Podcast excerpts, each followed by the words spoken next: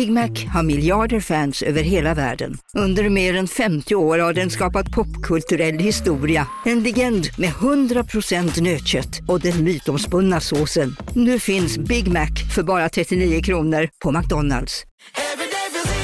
Som medlem hos Circle K är livet längs vägen extra bra. Just nu får du som ansluter dig 50 öre rabatt per liter på de tre första tankningarna och halva priset på en valfri biltvätt. Och ju mer du tankar, desto bättre rabatter får du. Välkommen till Circle K.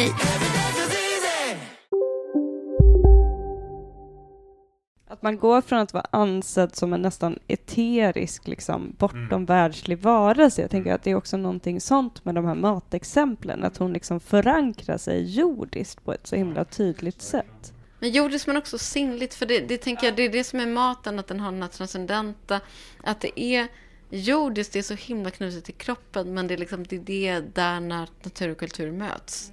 För det är också maten signalerar också saker och maten är också ett liksom, instrument för att uttrycka förfining. Alltså det har liksom en väldigt viktig roll på fältet.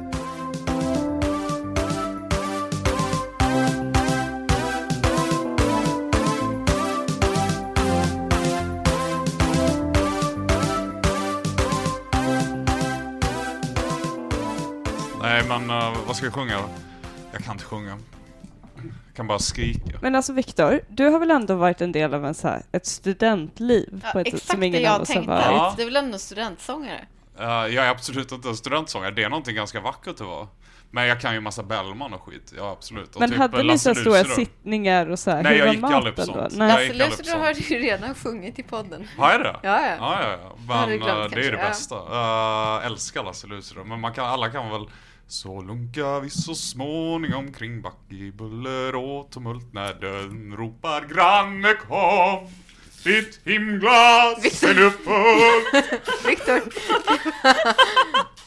jag gillar det här. Ja, ursäkta, jag fick, jag fick panik. Men det här alla kan väl. Ja. Hur som helst så är det nu så att Mikael har ett exempel. Ja, Har du Tycker du någonsin att fått en så här graven bra poa, Mikaela? i ditt är liv? för djup Loveland Ta dig på en sup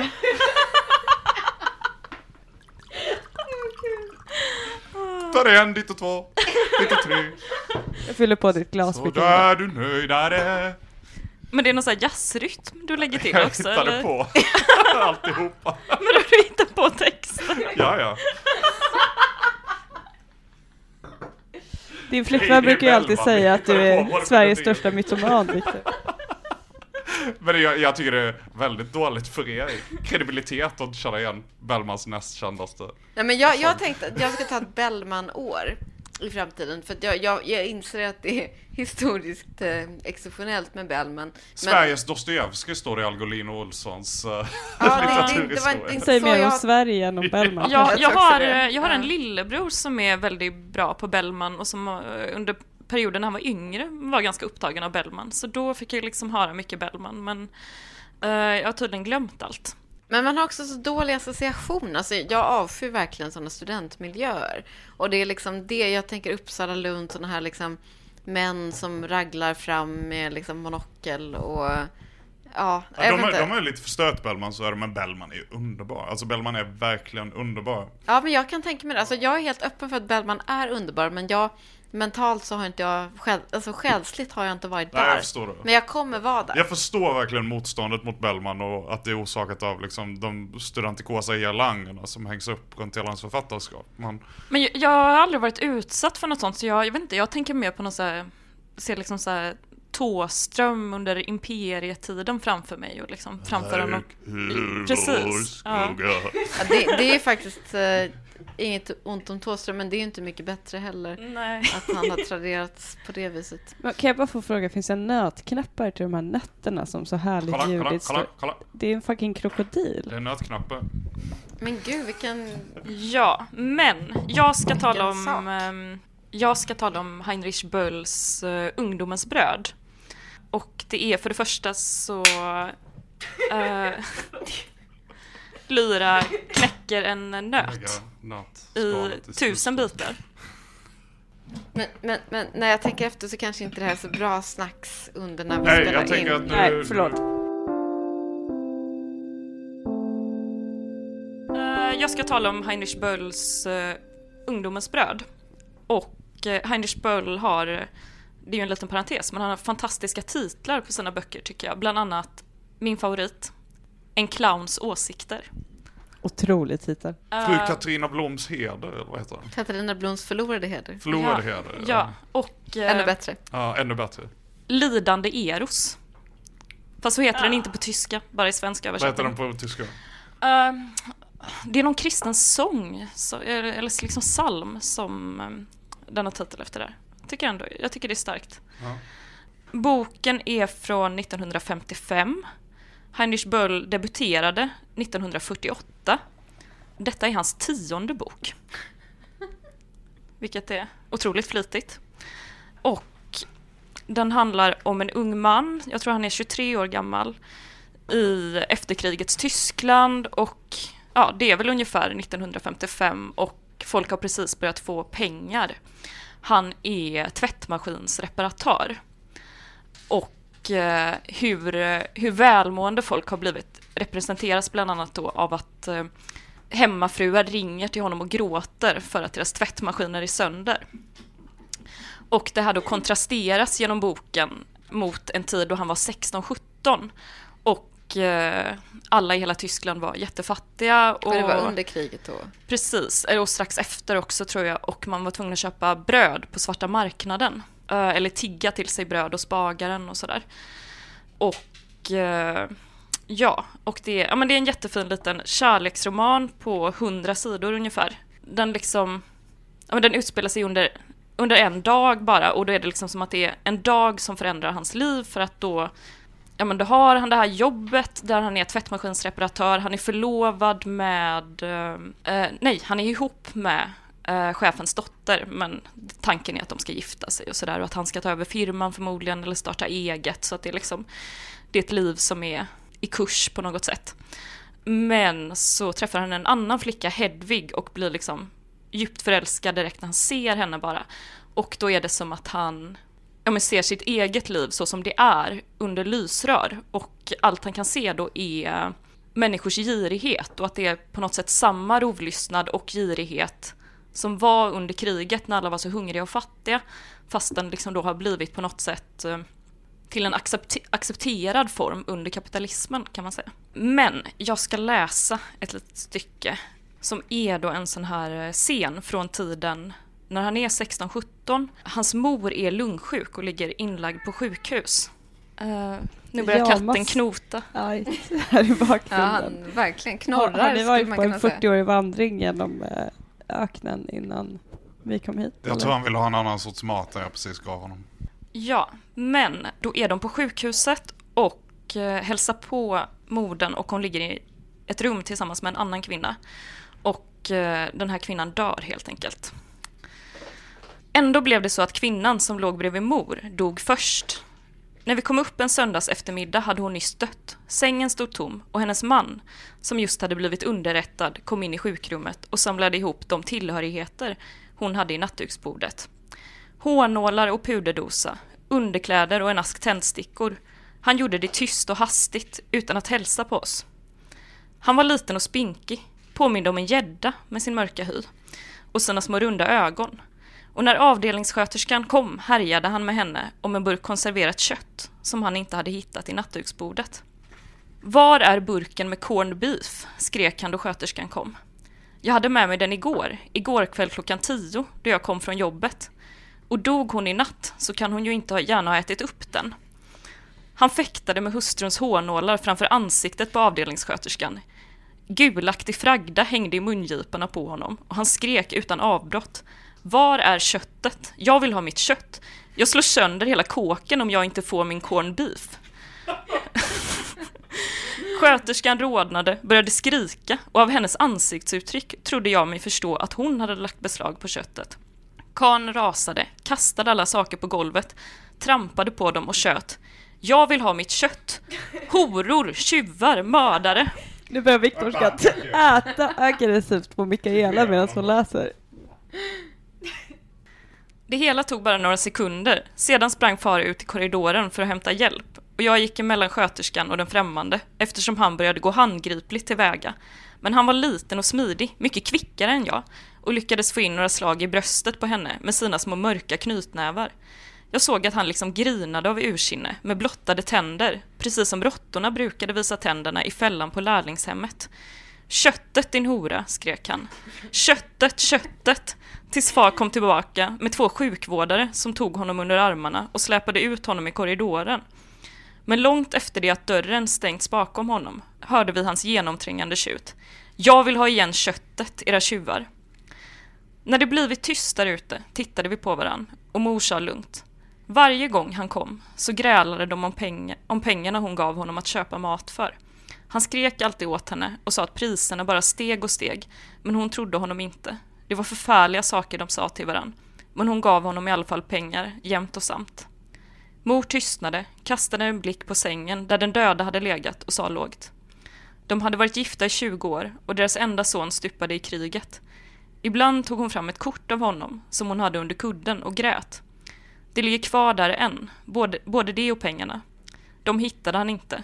Och köttet, nu talade hon ännu lägre. Köttet hade hon redan ätit upp. Och jag försökte föreställa mig hur det måste ha varit. Den mörka, snikna, redan döende kvinnan. Hur hon om natten hade legat bredvid mor och stoppat i sig köttet direkt ur burken. Åh, vad mörkt. Ja, det är så mörkt. Ja, visst är det. Och Ja. jag tänker att det som, eller för mig lite som hela boken handlar om, det är liksom att när man har sett det här hos människor, hur, hur ska man kunna leva vidare? Alltså, Hur ska man kunna ha härliga middagar i någon slags överflöd? ja men liksom? precis. Apropå det här så blev jag uppläxad av, av en uh, nära vän nyligen för att jag berättade för honom om den här, jag vet inte om ni har sett den här Göran Persson-dokumentären som kom för 10-15 år sedan kanske? Jo, den här ordförande Ordförande Persson. Persson, Ja, precis. fantastisk. Fantastiskt bra dokumentär om, om Göran Persson. Och den innehåller bland annat ett avsnitt där Göran Persson berättar om ett möte med, eller flera möten tror jag, med Helmut Kohl. Och om att Helmut Kohl, eh, det är något sånt jobbigt budgetmöte med EU eller något sådär. Och, och eh, eh, Helmut Kohl är mycket stressad och irriterad och det som sker enligt Göran Persson är att han börjar beställa in olika assietter med smör. Och sen äter han smör liksom med en sked. Och eh, Göran Persson berättar ju det här som liksom en rolig, med sin lakoniska stämma liksom som en rolig historia.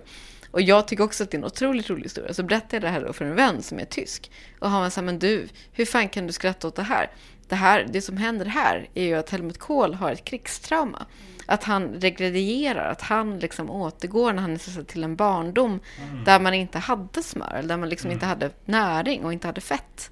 Men då måste jag ju ändå säga att i Helmut Kohls position då, det kan, man kan inte tillåta sig, Som förbundskansler. nej, precis som man inte tillåter sig att lägga sig ner och gråta som en liten bebis på marken. Alltså, Det är intressant tycker jag hur, det, hur väl det här exemplet visar att så här, mänsklig värdighet och civilisation symboliserar så starkt av ett förhållningssätt till mat. mm. Att det bygger liksom på att hungern är stillad för att man ska kunna uppnå det som vi i postupplysningsvästerlandet tänker på som det mänskliga. Mm. Ja, och Kant verkligen. säger det Ja. explicit i tredje kritiken också, att den som är hungrig kan inte ha någon smak, för den äter bara allt urskillningslöst. Så smakens uppkomst enligt honom är liksom att man har fått äta sig mätt. Det är först då som så här skönhet och liksom det sublima och allt det kan komma till människan. Också en förklaring till varför ett omdöme om en bok är en funktion av alla böcker man har läst men inte skrivit om? Men det där är inte det väldigt tvegat för det är ju hela den här liksom S komsas Essen Brecht-principen liksom att eh, innan hungern är stillad så kan man liksom inte Absolut. begära moral. Och, och, och det är alltså intuitivt så tänker jag att eh, jag och, och säkert de flesta känner liksom att det ligger väldigt mycket i det. Samtidigt så vet man också att det finns väldigt många hungriga människor med, med rejält mycket starkare ryggrad. Än, Gud ja, alltså, alltså- jag håller inte med om det. Nej. Jag skrev faktiskt min masteruppsats om Simone Weils omtolkning av, av Kants estetik baserat på just ätande, relationen mellan ätande och skönhet.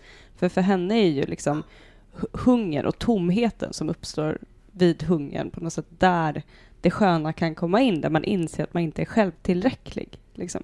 Men det är skillnad också, tänker jag, på en självvald hunger och eh, ja, men när det faktiskt inte finns bröd att få. Men sen, jag tänker också att det finns, liksom, det finns motsatt sak, att det finns liksom någon slags romantisering av fattigdom och fattiga människor. Och, eh, Men att säga att bara den som lever i överflöd kan ha en smak är ju ändå politiskt problematiskt, tycker du inte Mikaela? jo, jo, det håller jag med om. Men det, men det Eh. stämmer ju i litterär mening. Ja, eller hur då? Eller, Alltså det här, det här är ju en, när man hör ordet smak så börjar man genast transponera, eller hur? Men bara den som har läst tillräckligt många böcker kan ha en smak. ja, ja, men det är okej, men du tänker inte... Man måste vara mätt för att kunna, kunna säga att saker är äckliga liksom. Den, den som inte är mätt på böcker kommer bara svälja det mest. Det är sant. Nej, jag kommer ihåg hur ja. jag som barn så här, tvångsmässigt läste innehållsförteckningar på till exempel schampoflaskan i duschen. jag gjorde på så här likadant. Alla gjorde danska Ja. och norska och bara fick någon typ av estetisk ja, ja. upplevelse därifrån. Men, men, Fortfarande Jag tänker, mycket, jag ska- mycket jag bättre än mycket läsa- samtida litteratur. Jag ska lä läsa ett jättekort stycke till bara, som jag tycker fint sammanfattar boken på något sätt. Och då handlar det om uttrycket värd sitt pris, och att saker är värda sitt pris. Och då säger den här unge mannen att eh, under dessa sju år har jag allt för väl fått lära mig vad allting kostar för att ännu kunna tåla uttrycket värd sitt pris. Ingenting är värt sitt pris och brödpriserna är fortfarande något för höga. Det tycker jag är en, Ja, en väldigt väldigt bra. bra hållning generellt, att ingenting är värt sitt pris. Ja, Eller i alla fall liksom att, till exempel. Ja, men bara insistera på att det finns en skillnad mellan liksom priset och värdet som är fundamental. Och ibland så kan de liksom eh, kongruera mer än normalt sett. Men att det ändå inte är, det är inte samma sak. men, men det mest intressanta med den första passagen du läste tycker jag var Så jag tänker visa så här Bölls mästerskap. För att den växlade mellan två olika benämningar på det här köttet, eller hur? Det var ena sidan att han skrek om köttet, köttet, köttet i allmänna termer. Inte bra, men det fungerar på grund av corned beef. Corned beef är en så himla tydlig signal. Det är så här, dessutom antagligen att det existerar just då, en funktion av Marshallplanen, alltså det är en amerikansk produkt. På burk. På Men, burk. men sen, för det är just så jag tycker att maten fungerar i den här boken. Att eh, den är hela tiden så, den är på en gång liksom helt konkret, som en maträtt. Eller liksom, ja men eller liksom saker de äter, de går mycket på café och äter kaka. Typ. Och samtidigt så är det hela tiden en symbol. Och då tänkte jag att det är så bra eh, litteratur fungerar överhuvudtaget, att den har hela tiden den här dubbelheten. Att saker är liksom både konkret, konkreta och, eh, eller ja, Så där Och uppfyller Både liksom, liksom- tecken och verklighet skulle man kunna Ja, kalla det. ja, precis. det tycker jag är en ganska bra liksom spontan generell definition. Att man vill ha liksom en sån materiell förankring men också en betydelsesfär. Som Men just mat är ofta ett extremt bra exempel på det tror jag. För att när man hör corned beef så ser man den här jävla förpackningen som man aldrig skulle få för sig att köpa. Man, man har gått förbi den tusen gånger på liksom konservhyllan på Ica. Jag har aldrig köpt den. Jag vet inte hur det smakar själv. Men, men den har en extremt tydlig konnotation av liksom armod. Eller? Men jag och typ ensamhet. Apropå någonting du sa i ett tidigare avsnitt, Victor, jag kommer inte ihåg riktigt vilket, men det är i tidigare väldigt specifika miljöskildringar där de nämner vad alla växter heter. Eh, Det har liksom fallit bort i vår tid. Men är det inte så att matskildringarna har tagit deras plats? Att vi har blivit ännu mer specifika med så här varumärken, med typer av mat och så vidare. Stämmer nog. Det stämmer Jag tror nog. att det kan Att vi inte en... längre kan skilja en åkerfräken från, jag vet inte, en harsyra.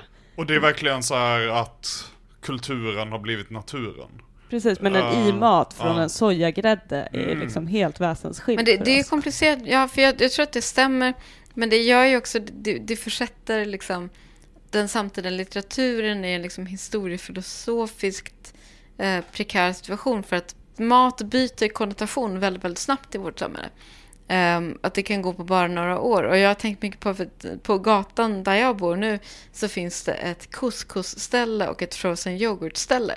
Och jag tycker att det är som att så här bo i ett vänner-avsnitt typ. Att det är liksom så mycket år 2000.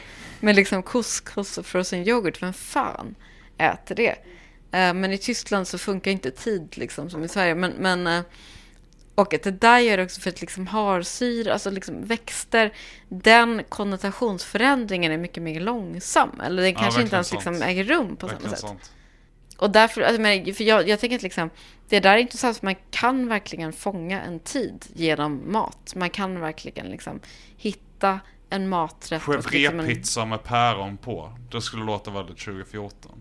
Ja, precis. Men, precis. men vill man liksom ha sånt i, i en roman? Alltså, Ja, ibland tänker jag att man vill ha det för att, för att det liksom är väldigt specifikt att den här romanen spelar mot den här tiden. Den utspelar sig då och den, liksom, den här tiden är en viktig förutsättning för det som romanen Ja, är. jag, jag, tycker, jag tycker inte romaner kan skrivas för evigheten. Det är därför jag tycker corned beef är ett väldigt bra element i den boken. Det, är- det är liksom ett, ett ting som borde ha försvunnit. Ingen konsumerar det. Man, man för, associationen i mat, bara för att vi, vi kanske slutar käka falafel, vi kanske slutar käka quinoa, men vi, åtminstone inte jag, lider inte av någon slags demens. Jag kommer ihåg vad saker betyder. men åtminstone Ah. du.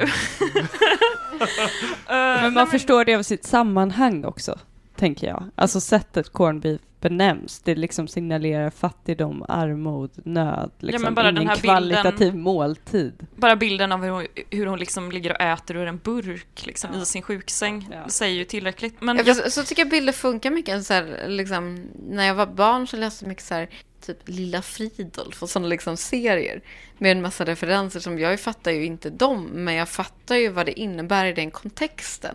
att en referens, alltså jag kan ändå liksom förstå utan att ha liksom överhuvudtaget veta vad det syftar på så förstår jag vad det signalerar.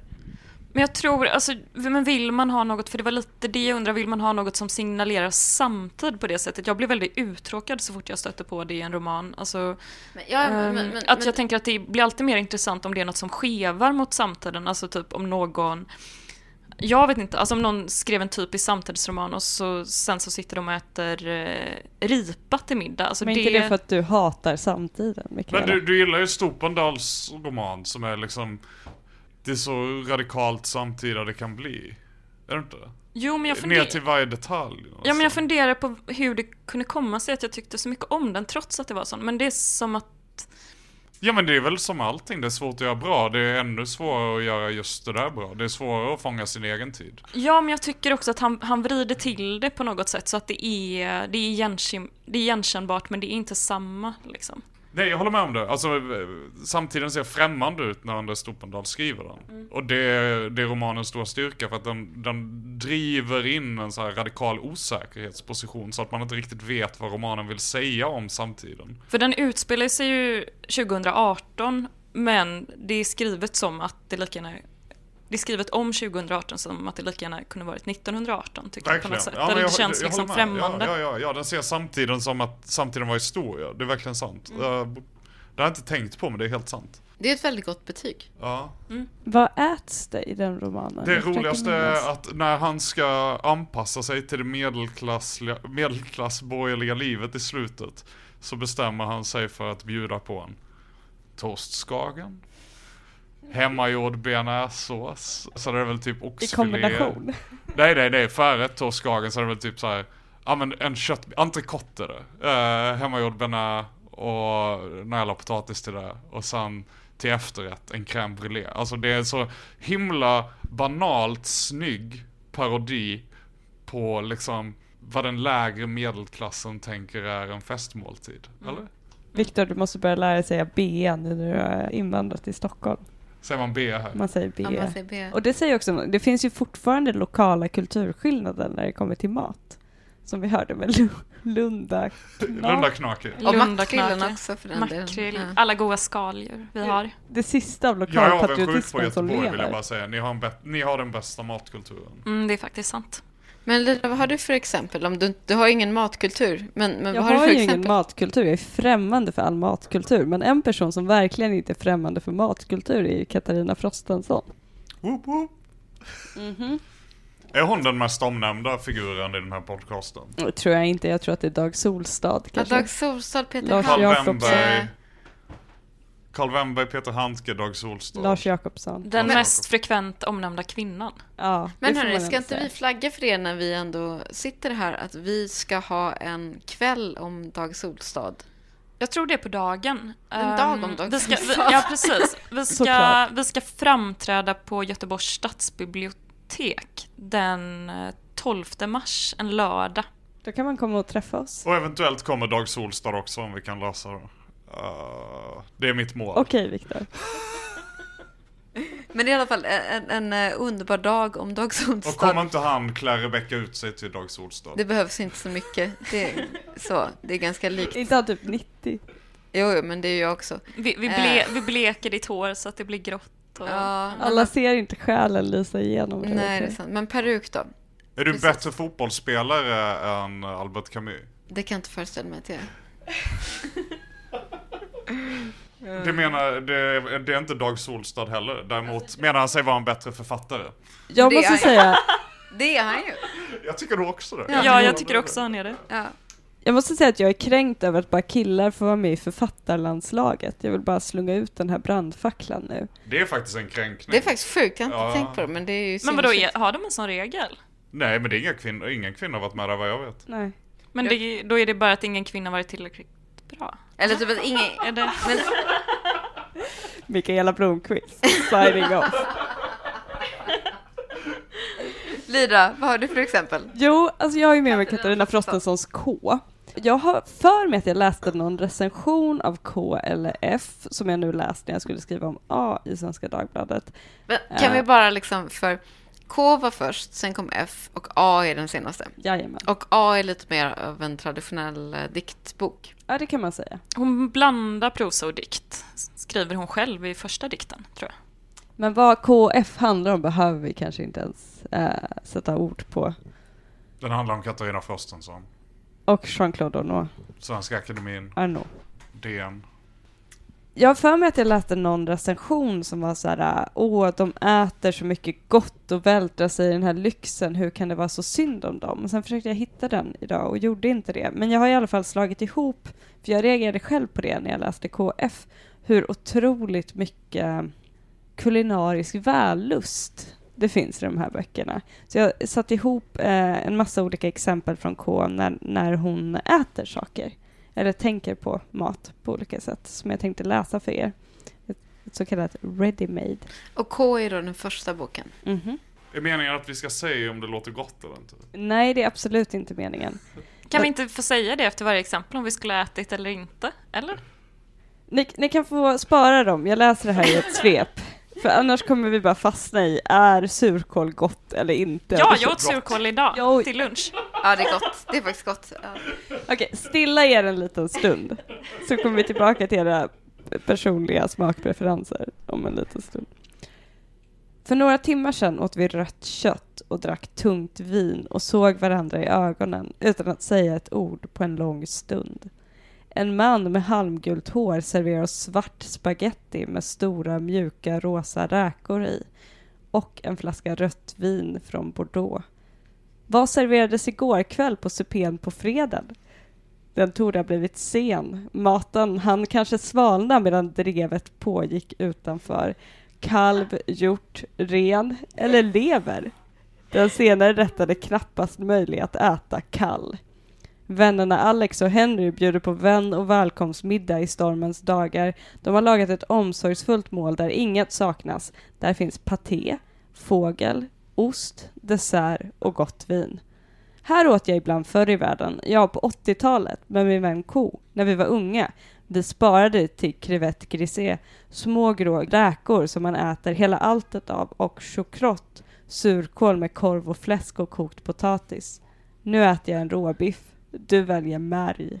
Det har varit ett fasansår, utbrister mannen på restaurang Saltkornet, där vi äter vårt enkla och goda nyårsmål. En bit paté, fisk i ugn, chokladkaka till efterrätt. Vi åt lunch. Vi laddade upp med berg av sallad, lax och annat friskt och gott. De drar på sig sina mantlar, sina sjalar, hattar och mössor och går ner för den isiga gatan i den gamla delen av stan för att spisa middag vid ett långt och vackert dukat bord. Vad blir det ikväll? Hjort? Hare? Ren? Vad gör hon? Hon äter en kall fiskrätt och dricker två glas mörkt rött vin som gör henne tung och döv en stund. På Järntorget finns ett café som serverar varm choklad som är tjock som blod. Jag går in och tömmer drycken som kan få liv i vilken zombie som helst. Ett elixir. En dryck för indianer på jakt. En inkadryck. I Roslagens ljusnande kväll firar vi med etiopisk kycklinggryta och rött vin i det största och vackraste rummet med ljus och blommor på bordet. Ljuset ska komma tillbaka. På kvällen äter ko, du och jag anka med plommonsås. Det är den 28 april och jag går ut och köper bröd. En russinbulle till dig, en lunchkish till mig, ett mörkt bröd till oss båda till helgen. Brödet heter skandinaviskt. Namnet får mig att tveka. Men den lilla... Men den lilla limpan håller länge och den är god. Låt gå för nordiska kon idag. Man blir fet om magen av för mycket baguette. Bagaren ler. När jag kommer ut upptäcker jag att han har gett mig en kaka i form av ett hjärta i en egen påse. Kakan är stor, full med socker och mycket god. Jag flyr in på en restaurang, jag äter en köttig korv med mos och mycket senap till och jag dricker ett glas kallt Broly i min ensamhet. U och jag dricker nästan en hel flaska vin var när vi äter en vårmiddag med sparris och bläckfisk. Att inte tvinga sig att försvara sig. Om det sker ska det bli som en kallt serverad anrättning. Lever carpaccio. Vi har inte ätit idag. Har du tänkt på det? När vi har glömt att äta. Glömt att äta. Äta!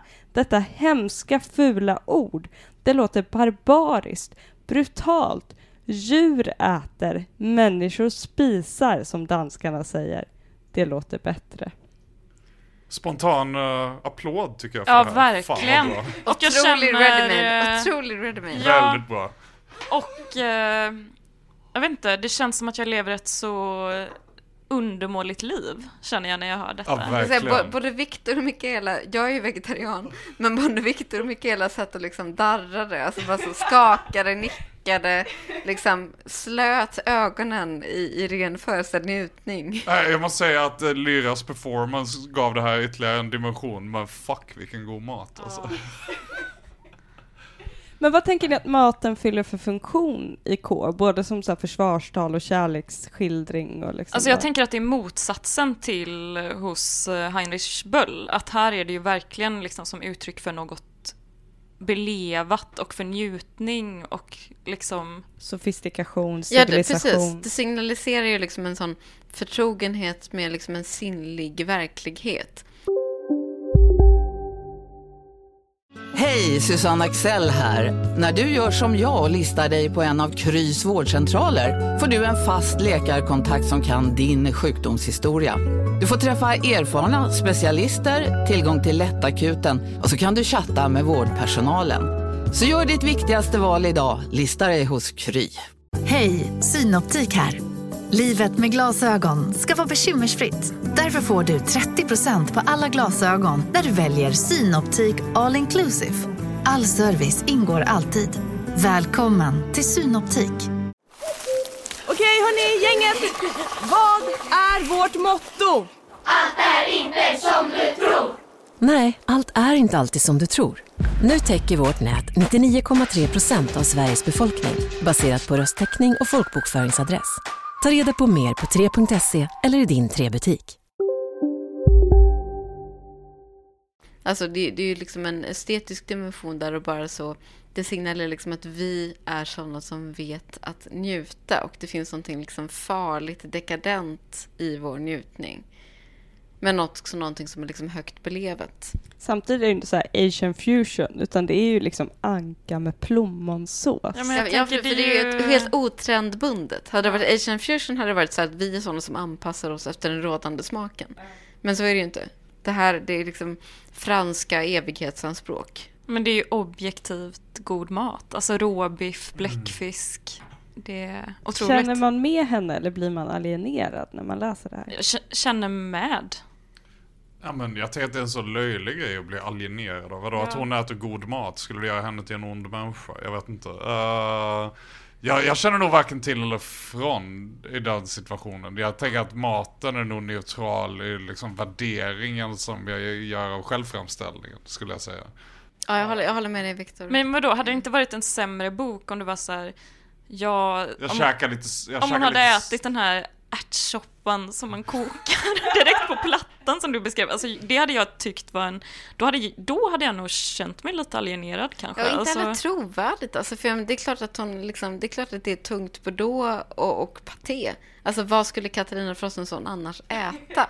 Jag tycker att det är helt... eh, Ja, men det passar hennes livsvärld för att använda ett begrepp hon, hon själv använder Ja, ett nej, men alltså, otroligt, otroligt bra. Alltså, det är helt eh, koherent. Och, eh, Och jag, jag tänker liksom att de här eh, K, F och A, eller vad jag tycker att de böckerna handlar väldigt mycket om, det är ju liksom om att leva bra trots allt. Mm. Och ett sätt att göra det är ju genom den här goda maten. Att inte ge sig. Liksom. Att ändå gå på restaurang och ha en festmåltid. att, det- det att inte byta, att, liksom, precis, att inte byta till corned beef bara för att man är dömd för våldtäkt. Nej men precis, alltså om, Ja. om boken har varit, ja men då blev jag så olycklig så då la jag mig i sängen med en burk corned beef och åt den direkt Men för, ur att- för att det burken. finns alltså ju det, i uh, F sen. Alltså, att, att där, för att När de då- äter Twix. Ja, då sitter jag nog inspärrad i, i, i F och den är mörkare i den meningen. Hon är mer resignerad, hon har mer gett upp, hon är ledsnare.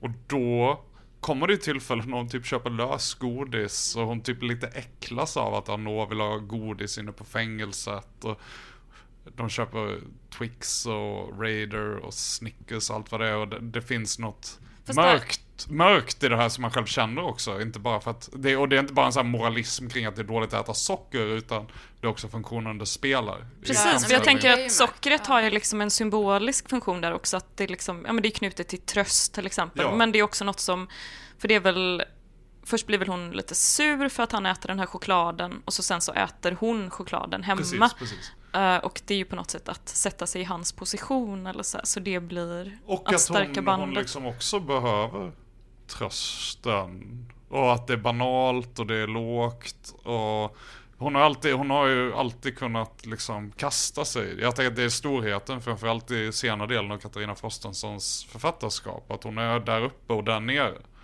Jag tänker att A blir kanske det bästa exemplet på det. För att då återvänder hon lite till det registret. Där hon liksom pendlar mellan det sköna höga och det låga aggressiva. eh, Nästan. Och hon har ju någon sån, en av, hennes, en av mina favoritdikter av henne är Flodtid.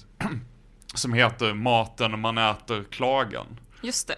Har inte du läst den i ett avsnitt? Nej, det kanske du inte har. Nej, det har jag nog inte. Jag, men jag har skrivit om den, tror jag. Ja, ja det har Eh, du. Ja, men, för det är den med ormen. Ja, väl? precis. Ja, Eh, Och den är ju, det är ju en sån här, du blir vad du äter-dikt.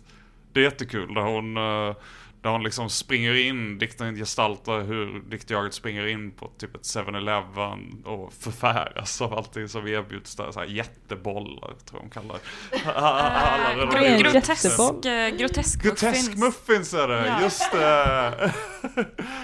Eh, men också är liksom hela dikten är liksom formad som den här ormen som bearbetar... En hjort som den har tagit, hon ser det på Precis. TV. Ja. Och, så det här, det här liksom att för Frostenson, det här inmundiga, det är inte bara liksom det är inte bara mat, utan hela världen är en form av, den här metaforen drar hon ut. Så att hela världen är en form av näring. Du kan välja att bemöta världen på rätt sätt och ta del av den på ett sätt som gör dig meningsfull. Men du kan också ta del av den på ett sätt som gör dig meningslös. Och det tror jag är vad hon gestaltar när hon liksom försöker hålla det här uppe. Det, det är ett sätt att hålla kvar i livet. Att behandla... Någon slags värdighet. Ja, Mm. exakt. Ja, Det, det tror jag är en jätte, faktiskt jätte, jättebra generell utsaga om hur hon använder mat. Och liksom i det som du läste, Lyra, att det handlar ju på något sätt om en liksom lojalitet till... eh, Ja, men alltså värdighet är nog det bästa ordet, men liksom också skönhet och integritet. Och man kan ju tycka, liksom, när man liksom ändå har en eh, annan bild än vad hon har av vad Arnaud har gjort och sådär, så kan man ju tycka att det är liksom kanske vulgärt eller liksom, man, man kan tycka att det eh, finns något futilt och påfrestande liksom i det sättet att förhålla sig till verklighet. Men, men liksom som en bild av så här, hur en människa överlever tycker jag att det har någonting som är viktigt. Ja, alltså det kan ju finnas något stötande just med någon som så här, äh, porträtterar sig själv som ett offer och liksom att hela världen är emot henne. Och samtidigt så har hon de här liksom underbara måltiderna och de goda vinerna. Jag, jag tycker just att de här böckerna att det hon gör i de här böckerna är att vägra ta offerpositionen. Ja, fast det finns ju ändå vissa... Alltså när hon, när hon jämför det med Kafkas processen, eller i K liksom, så finns det massa Simone Weil-citat som är ganska bisarrt använda. Ja, för hon tar ju en offerposition, tänker jag, i det att hon framställer sig själv som den anklagade. Och hon var ju den anklagade, hon är ju den anklagade. Men eh, liksom, eh, ett offer är ju inte lika med ett offer. Nej, men jag tänker så, vad är det att vara ett offer? Alltså det, det är klart att det är en objektivt svår livssituation. Alltså det kan man ju inte säga att det inte är. Nej, men det, det är det som är bra tycker jag, för att det är en objektivt svår livssituation. Och, och liksom, jag tycker att kritiken som är så här, liksom att Katarina Frostenson borde inte ens tala från den här positionen, att den är väldigt, väldigt vulgär. För att jag menar, alltså, det är ju svårt att föreställa sig någonting jobbigare liksom, än att ens liv faller samman så fullständigt som hennes liv gör. Att man går från att vara ansedd som en nästan eterisk, liksom, bortom världslig varelse. Jag tänker att det är också någonting sånt med de här matexemplen, att hon liksom förankrar sig jordiskt på ett så himla tydligt sätt. Men jordiskt men också sinnligt, för det, det tänker jag, det är det som är maten, att den har den här transcendenta, att det är jordiskt, det är så himla knutet till kroppen, men det är liksom det, är det där när natur och kultur möts. För det är också maten signalerar också saker och maten är också ett liksom, instrument för att uttrycka förfining. Alltså det har liksom en väldigt viktig roll på fältet. Det är verkligen en jättestark klassmarkör. Jag kommer ihåg, stark, jag frågade ja. min pappa häromdagen, så här, vad kallade vi den här rätten när vi rörde ihop ris och så här frusen ärte, majs, paprikablandning och kanske typ, det var kanske något kött i det innan jag blev vegetarian. Inte pilaf. Nej, jag trodde att det var någon så klassisk rätt och han bara, vadå, menar du risotto? Och i mitt kulturmedelklassliv så är risotto något helt annat som man så här kokar med lite vitt vin och lite smörstekt svamp och så vidare. Och just liksom, det, det blir så slående för mig när jag läser Katarina Frostenson, att här finns det en sofistikation som är så tydligt tillägnad och som ty så tydligt signalerar någonting som jag också är på väg in i. Ja, för hon talar ju till liksom the happy few. Fast jag, alltså jag tänker, alltså det finns ju mycket arbetarklass som är väldigt mån om maten också och som har ett matintresse och som äter god mat. Eller, jag tänker min morfar till exempel som var um, varvsarbetare var ja, men jättematintresserad och liksom kunde bjuda mig på struts om jag kom dit och sådär. Och, Struts? Ja, Hur visst, smakar ja. det? Ehm, det smakar, det är väldigt, för det, det är ju en fågel såklart. Kyckling. Nej, nej, det smakar inte alls som kyckling utan det smakar som en mörk biff. Eh, så det är liksom som rött kött. Väldigt, väldigt Hur gott. hade han råd med struts? Han dödar den själv kanske. Nej men man är inte så fattig som varvsarbetare. Nej, det är väl hyfsad lön ändå. Ja. Nej men, men så, så, alltså, så är det ju såklart. Jag, jag tänker liksom att många, alltså typ småbönder och sådär. Eh, som ju är någon form av ar- arbetarklass eller liksom, kanske inte arbetarklass men ändå låginkomsttagare. Har ju ett enormt, en enorm kunskap och ett enormt matintresse. Och under krigen så var ju de, alltså de stora källorna till kulinarisk njutning också. Det var ju de som hade ägg och smör och mjöl och sådana saker. Ja, så är min farfar verkligen för en, en fattig situation liksom betjänt åt en greve ungefär var hans jobb. Han var ju jägare, han var ute och sköt djur. Det var asgott kött hemma hos farmor och farfar. Fire. Eh, för att man drog ett rådjur eller man, man drog en hare eller vad det man det var liksom. Så att, sånt som Katarina Frostenson behöver du gå till restaurang för att äta. Ja, för det har ju också, alltså den klasskonnotationen är ju också superstark såklart. Att, att så, nej men liksom att, att, att man har, Och samma, alltså jag tänker i göteborgsk arbetarklass så är det ju helt normalt att äta mängder med skaldjur till exempel. Tror jag. Ja, Men Göteborg måste vara så kulinariskt regionala- specifikt alltså. Ja. Alltså verkligen en kulinariskt specifik plats i Sverige. Ja, gud ja. Det var ju jättemånga av mina klasskamrater som åt älg till exempel för att deras föräldrar jagade och sådär, som inte alls var särskilt rika. Men jag tänker just det här hon skiljer också med att så här, vara vän med serveringspersonal och bagare och sånt är en ganska stark klassmarkör för mig. För jag tycker alltid att det känns fortfarande, fast när jag nu är kulturmedelklass på något sätt, tycker det känns obekvämt att bli serverad. Men handlar inte det om att hon är i Paris också? Att det är Ja, ja, för- för annan jag- stämning kring sånt där än i Stockholm För, framförallt? för jag förstår precis vad du menar, just det här att det är obekvämt med att bli serverad. Jag kan verkligen förstå Men, men det är så himla... Jag uppfattar det också mer som mer nationsspecifikt. För där, där jag bor, i Hallberg i Tyskland, så är det inte liksom så. Utan där, där det är inte en lika stark klassmarkör, utan man är vän med sin bagare. Och man har en bagare också, för det finns många bagare. Och de gör fantastiskt bröd och det kostar liksom inte särskilt mycket. Sverige är en av de sämsta brödnationerna i världen. Det är nästan bara England som är sämre. Ja, alltså Sverige har ju många bara, så här liksom typ fabrik. Alltså så. Men liksom, jag menar Där grund- kostar en limpa 90 spänn. Exakt, en limpa kostar 90 spänn. Ehm, men i södra Tyskland så finns det en annan, alltså där, som det är liksom i Italien och sånt också, att, att där så har det inte den konnotationen. Men i Sverige så har det ju en otroligt stark klassmässig konnotation för att det signalerar typ att jag är förtrogen med det riktiga Europa. Och det är ju en väldigt stark valuta i Sverige. Liksom att så här, ja men jag har inte det här liksom att eh, jag har levt i ett kulinariskt u-land och sen så eh, 1999 så började saker hända. Liksom. Utan det är ju ett sätt att signalera typ att man har rest och man har bott i Paris och man har liksom... Ja. Nu, nu håller din katt på att äta upp min dyra täckjacka, apropå att tillhöra kulturmedelklassen. Jacke! Som han heter. Ät inte min jacka. Döpt efter Sveriges bästa rappare. Uh, Men vad är ni uppvuxen med för mat? Ja, Men jag är då uppvuxen med den typen av risotto. Mm. Eh, jag kommer ihåg att jag och min mamma, in, jag blev vegetarian när jag var 11, vilket skapade en stor upheaval i min familj. Och då lärde jag mig koka morötter själv och andra så standard. Men vi brukade alltid gå och simma på fredagar och sen äta blodpudding. Och så här ord som så här blodpudding och kalvsylta. Jag tror det hette kallsylta när jag var liten. Och sen chocken när jag var typ 12-13 och förstod att det de åt på julafton var kalv totalt chockartat. Och typ så här potatisbullar, fiskbullar, alltså sån så här radhusmat liksom Mm. verkligen. det är nog jag med. Och det är fortfarande, alltså jag skulle nog, Kristina beskriver ibland min matlagning som skolmatsalsmat. Vi hade alltid potatisgratäng när vi hade gäster. ja, potatisgratäng när man hade gäster. Så här, men så här tacos, hamburgare. Men det är ju sånt som barn, lätt att få i barn Ja, och också. så här köttfärspaj och kycklingpaj och, men jag, jag tror så här att jag... Oj, ing, paj. Exotiskt. Ja, mycket paj, men vad fasen. fassan. Men jag tror så här min, min smak har utvecklats från, men jag, jag tror jag liksom har tagit skolmatsalsmaten, som jag tror var min smak när jag var liten, och transponerat den till någon så här allmän idé om svensk husmanskost.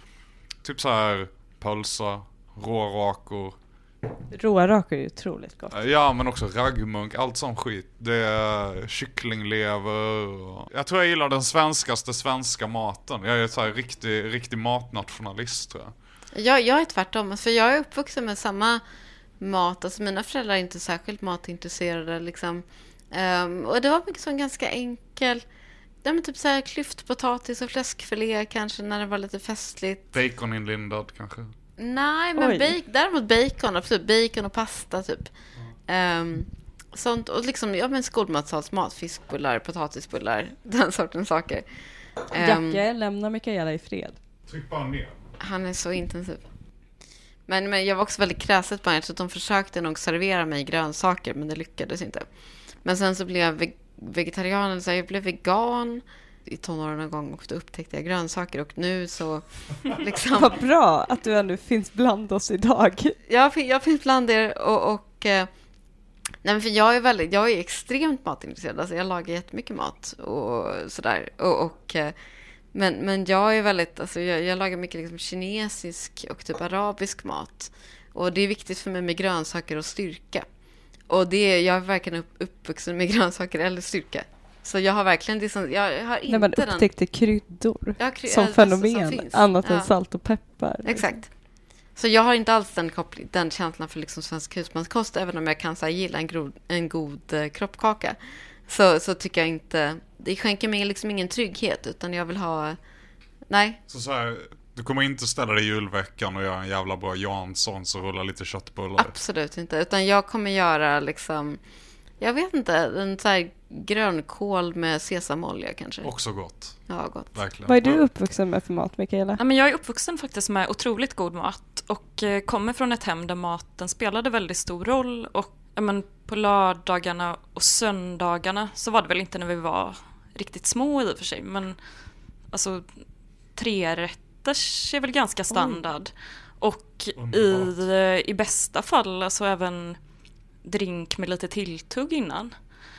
Ja, med lite mousserande ehm, och tilltugg.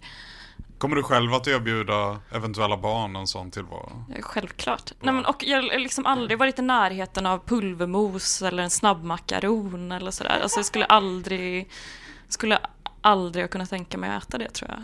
Ehm, Men är du så nu i ditt privatliv också? ja, ja, gud ja. Det är värt att lägga två timmar på att laga mat ibland. Nej, det, alltså där är jag nog lite som Lyra att jag prioriterar att arbeta men då vill jag ändå liksom, då går jag och köper ett gott bröd på bageriet och så liksom, och så kan man äta bröd och läsa samtidigt. Alltså, en av de godaste rätterna som finns är ju typ ett gott bröd, salt och eh, olivolja. Ja, det är fantastiskt. Jag kommer ihåg första gången som jag åt oliver och då hade vi eh, mina, min mammas vänner hemma. Eh, och jag hade ju aldrig sett oliver någonsin förut i mitt liv för det var inget vi åt i min familj så jag trodde att det var vindruvor. Så jag åt en sån liksom mörk eh, lila liten skapelse och det var det äckligaste jag hade ätit i mitt liv för jag väntade mig att det skulle vara sött och liksom. Men, men jag var ett enormt kräset barn. Alltså så här på patologiskt kräsen nivå. Jag gillar korv bröd liksom. Det var, så var jag också, men det kanske, vi, Ja. det kanske är så man blir kritiker. Ja, eller? men jag var också så. Jag var också var sån. Jag hade en förskollärare som när jag åt någonting som inte var typ, jag kommer inte ihåg exakt, men när jag avvek från min eh, autistiska matprofil så tog hon fram en stege och klättrade upp i taket och ritade ett kors. Jag för- förstår inte den här historien. Kors i taket. Jaha. Rebecka åt något annat. Jag, jag hade dispens så att jag behövde inte äta på dagis för jag kunde inte äta den maten. Eh, och sen så, jag har aldrig ätit i bamba överhuvudtaget. Men jag kommer ihåg vad min mattant på dagis hette. Hon hette Siv. Jag kommer ihåg mattanten på dagis. Siv. Hon var jävligt bra. Hon var schysst alltså. Hur var hon bra? Vad var det hon gjorde Victor? Nej men jag ville heller inte äta maten på dagis. Men ibland gjorde hon lite extra lasagne till mig som jag Gulle jag Siv. mycket. Jag älskar fan Siv. King. Shoutout Siv om du lyssnar. Men hur... Jag tror att det kanske inte är jättehög sannolikhet att du gör det, men bless you Siv om du gör det. Vad Hur- fan vet du om Siv, Lyra? Hon kanske... Hur ser relationen mellan litteratur och mat ut för er?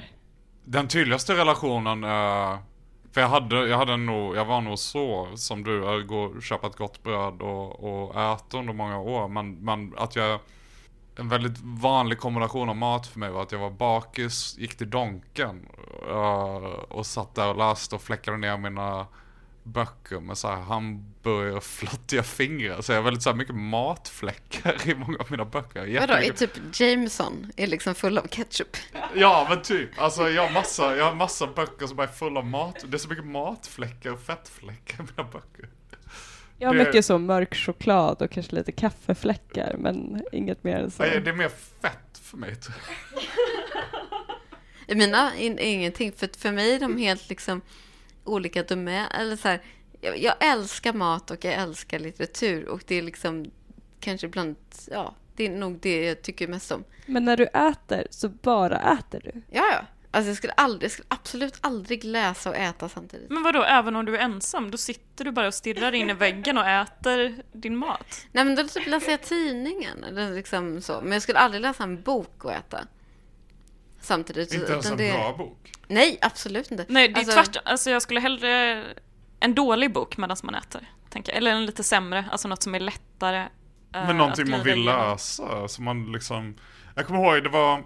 Jag kan, dricka, jag kan dricka kaffe liksom, eller så ett glas vin om jag läser en bra bok, men inte mer än... Jag skulle aldrig äta. Men det var så här jag blev såld på Karl-Ove Knausgård så här 2010. Uh, det var en text Stig Larsson skrev om den idén, han skrev idén då. Och det var att han plockade upp den och liksom beskrev hur han inte ens klarade av att sluta läsa den medan han gick ner till Rosa Drömmar och åt sin middag. Och, Men och har- det har har för mig alltid varit tecknat på, alltså om jag inte ens, om jag vill läsa det medan jag äter. Det är väldigt sällan det händer. Det händer inte ens en gång om året att något är så för mig. Men när det händer, då är det liksom, det är det absoluta tecknet på kvalitet. Skrev han inte så om Tommy Berggrens självbiografi också? Fan. Gjorde han En annan favorit i podden. Han hade med den till Rosa Drömmar vet jag i alla fall och satt och grät på Rosa Drömmar tror jag han skrev i recension, Men recensionen. lever inte Eller- Stig Larsson en stor del av sitt liv Han på Rosa drömmar? Rosa drömmar. Men... eh, Eller att han sa, han sa till personalen på Rosa Drömmar att om jag börjar gråta idag så ska ni inte oroa er utan det är för att jag läser den här starka boken. Tror jag. jag tycker jag var väldigt vänligt att säga det till personalen. Bra gjort. Men för att knyta ihop säcken, vad äter ni till jul, gästabudet? Jag eh, har ju tysk jul och eh, jag är väldigt förtjust i, ja, men jag bor ju där och mina, mina, min familj kommer komma till mig i Heidelberg och vi kommer fira en ganska tysk jul och eh, jag kommer då, liksom själva jul, för, för som sagt jag har ju varit vegetarian sedan jag var jätteliten och eh, jag har liksom inte så mycket relation till det svenska julbordet så jag kan inte äta så mycket som är på det utan det som jag brukar göra är att jag brukar improvisera liksom utifrån juliga grönsaker så det kommer vara mycket grönkål och brysselkål och sånt som jag tycker väldigt mycket om. Men sen så kommer det också vara ett gediget utbud av tyska och lite svenska julkakor. För det tycker jag är underbart. Jag älskar sån stollen. Jag älskar såna här liksom tyska Zimtsterne. Men också Kan du, pepparkakor. kan du beskriva vad de här består av? Stollen. Allt det där är skitäckligt. Nej, det är så jävla gott Viktor. Eh, Det var otrevligt Viktor. vad Verkligen taskigt. Nej, det är så himla gott. Gud vad gott det är. Stollen är, det är liksom en sån mjuk kaka med eh, frukt. Ja, ni hör. jag vet inte, det är, det också gott. sprit i som så här italienska Lite julkakor? sprit, lite Ja. sprit. Alltså lite så panettone så. Men, men eh, det varierar. Ibland så är det sprit, ibland är det inte sprit. Ibland så är det en sån, jag brukar köpa någon som har så här liksom marsipankärna. Det tycker jag är väldigt gott. Det, det är liksom särskilt Dresdenerstollen tror jag att det är marsipankärna. Gott, Viktor. Och sen så är det de här Zimtsterne som jag också tycker jättemycket om. Som är egentligen liksom lite så här mjuk pepparkaka, en stjärnformig sådan med glasyr. Och sen så finns det Lebkuchen som är en slags oblat med glasyr och sådana liksom pepparkakskryddor. Jättegod.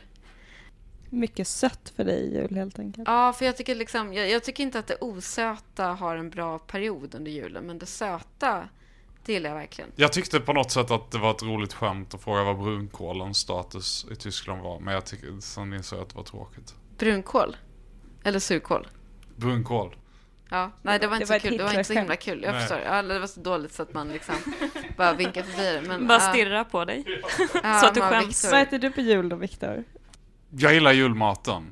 Uh, Såklart. Någon förvånad? ge mig revben, stuvad spenat, lax, sill, Janssons, köttbullar, prinskorv, Dopp i skinka. gryta? Dopp i gryta har jag bara ätit några gånger, det är jag inte så glad i. Men uh, snaps vill man ju ha. Uh, lite Det är klart, mörköl. snaps vill man absolut ha. Uh, jag är bara för julmat. Uh, hela vägen. Och i bästa fall får man också lite rögad ål. Uh, Rökt ål som det heter på svenska. Är det ens lagligt? nej. Mikaela då, i ditt äh, finsmakarhem, vad äter man på jul? Ja, men jag är lite motsatsen till Viktor, att när jag var barn så var jag Alltså jag var rädd för julmat. Så jag, tyckte att, jag tyckte att det var så mycket äckligt på ett och samma bord så att jag, så här, det var ett par jular tror jag, så låste jag in mig på mitt rum i så här ilska över den här maten som jag, som jag inte kunde stå ut med. Det var den enda folkliga dagen på året i det Blomqvistska Ja men köket. precis, så att det, blev, det blev för överväldigande att det var så här, vad är det? Jag har liksom aldrig sett husmanskost och så helt plötsligt så var det bara överallt.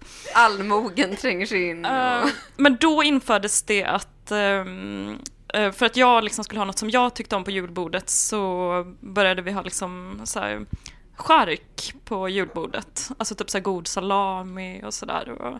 Gott. ja, alltså så här. ehm, men det, det jag ansvarar för att laga till julbordet det är en jättegod eh, grönkålssallad med eh, dressing en dressing på tahini och apelsin och lite sådär. Det låter helt underbart. Ja, den är, den är faktiskt underbar. Ja, Den fan- ska få recept Ja, sen. jättegärna. Ja, och så är det så här liksom att man masserar grönkålen så att den liksom blir liksom nedbruten och mjuk. Otroligt gott. Det låter väldigt Ja, bra. men det är, typ, det är typ Ehm. exakt det som jag brukar göra. Men liksom typ så miso och tahini dressing brukar jag göra. Mm. Men jag det här tycker inte det låter juligt alls, men eh, lite skinkfett på det så kanske... Ja men tahini är ju väldigt fett, eller liksom det blir ju... Men fel sorts fett. Vad är din skitlirre? Alltså jag har ju haft vissa jular då jag har firat med ett gäng vegan-queers, så då har vi verkligen gått all in, och- eller mer de än jag kanske, och försökt skapa någon slags vegansk ekvivalent till julbordet och någon slags överdåd, för det är verkligen, det veganska mindervärdeskomplexet kommer verkligen till sin rätt vid jul. Men nu ska jag eh, åka med min kille till Varberg och fira med hans familj och hans systrar och lovat att det ska finnas vegetariska inslag på julbordet. Så Det är är din första verkligen- svenska jul kan man säga. Och du, du är ensam vegetarian? Ja, jag tror det. Det Så betyder eh, brunkål, rödkål, grönkål, eh, brysselkål. Men jag älskar Nej, men allt det sånt. behöver inte vara så, för det kan, när jag firar med min släkt så är det så att de ställer fram en skål kikärtor. Och så är de så här, och så är de så här, du är fortfarande vegetarian?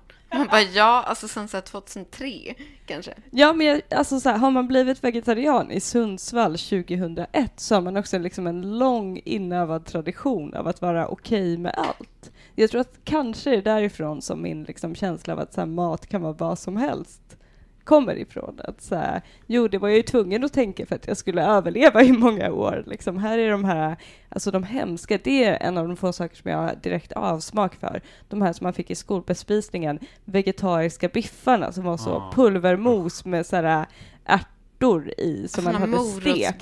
fy Ja, exakt. De bestod ju inte av någonting, men de skulle ändå likna hamburgare, bara till formen. Liksom. Så har man liksom blivit uppvuxen på dem, så är man så här, jag får potatis, underbart, jätteglad. Basilikapuckar. Det är väl i den meningen så här eh, både veganism och vegetarianism är ett avsteg från civilisationen för att det finns ingen, det finns ingen så här, det finns ingen motsvarande rätt till typ så här hjortsadel som bara får det att vattnas i munnen. Eller som så är det en chans att återuppfinna civilisationen, vilket är att ta den ett steg längre. Man kan inte återuppfinna civilisationen Lyra. Men det är så, Viktor, alltså, om, om jag... Den Post, det är postmodernt. Jag kan säga, jag har aldrig ångrat att jag började äta kött igen efter, jag vet inte, 13, 14 år som vegetarian kanske. Vilket du gjorde av ett principiellt beslut. Just det, för att jag vill skilja på människa och djur. Genom att äta det Genom ena och inte det djur, andra. ja. Jag tycker att det här är det mest intressanta inlägget i podden hittills. För att eh, jag tänker att om man ska dra konsekvensen av det här så är det Mikaela är mest arg på i hela samtiden just nu det faktum att det går svenska skattepengar till något så bisarrt som animal studies på universiteten. Nej men det, det kände jag inte ens till, så det, det kan jag inte säga att jag är arg över. Och Jag, jag, tror vet inte... Mikaela är helt för det. Eller? Jag vet, jag vet inte vad det innebär, Inte så jag jag känner mig totalt jag känner bara att det är så här eh, fri- nollställd. Jag Det är väl det senaste heta i humanioran. Det var någon som frågade Det mig var så det senaste heta när jag skrev min magisteruppsats 2014. Men, Men visst, men eh, alltså så här, på min tid läste alla typ 2012. poststrukturalisterna, så här, Butler och så vidare. Liksom, vad läser folk nu? Och jag bara, ja, det är väl typ, men det är väl typ så här, posthumanisterna som är det nya heta. Jo, jo, jo. Men, men det var, jag, jag skrev inte min, ma- jag skrev Men min det magisteruppsats laggar väl så in i 2013. helvete Ja. där liksom, att det kan vara så tio år som någonting Ja, ja, hett ja, i ja. akademin. Men vadå, Ja. Deleuze var väl cool på 10-talet? Ja, men inte längre. va? Nej, men inte längre. Nej, Deleuze är inte cool längre. Vem är cool nu? Rosy Braidotti. Nej, men hon Ja, var ju cool på men- också. Ja, men hon var cool när jag cool. skrev min magisteruppsats, det kan hon inte vara Jag, fortfarande. jag, är, jag är ju på ett litet center i Tjeckien, så jag är helt fel person att fråga. Någon yngre person får höra av sig till oss och berätta Säg vem, vem som är cool. Vilken det, teoretiker är är det cool? Jean Baudrillard igen eller? Ja, kanske. Alltså, han kanske... Vad så åt han? Gästabudet undrar. Jag hörde ju eh, Gumbrecht föreläsa är förra king. veckan, Jag så jag älskar tycker ju han är cool. Ja, han han är är cool. king. Han är så jävla cool. Har ni Han är läst cool. hans bok om sport? Nej. Nej. Den är banger. Den handlar om, det är, det är en ap- applicering av, av Kants kritik på idrott. I en teori om vad, vad liksom skönhet är. Väldigt, Vi måste göra ett avsnitt om idrott. Ja, det borde vi verkligen göra. Ja, det blir nästa avsnitt. Men detta var avsnitt 13 av gästabudet och avsnitt 14 kommer handla om idrott. Men- Eller kritik, eller Gud. Det är några av de ämnen vi har köat Gud, upp. ja. Eller kvinnan också. Vi har haft ett avsnitt om mannen. Eller manlighet, kvinnlighet. Ja, Ni får gärna, om någon har, om någon har några, om någon som har Ni får rösta lyssna. på de fyra. Ja, hör gärna av er med uh, synpunkter. Gillar ni kvinnor, Gud, idrott? Eller kritik. Eller kritik. Jag älskar allt. Jag med måste jag säga. Jag, ser, jag är mest mot Gud alltså. Ja, jag med. De Jag känner, jag känner mig redo för ett avsnitt om Gud. Tack Men Mikaela. då kommer alla prata om, eh, om, om eh, godheten och kyrklund. Det blir bara det. Liksom. Nej, så är det inte. Nej. Nej. Jesper vill väl också önska alla en hjärtinnerligt god jul. God Ja. jul och gott nytt år och eh, vi ses i Göteborg. Det gör vi. Göteborg. Och det längtar vi jättemycket efter. Ja. Hej då! Hej då.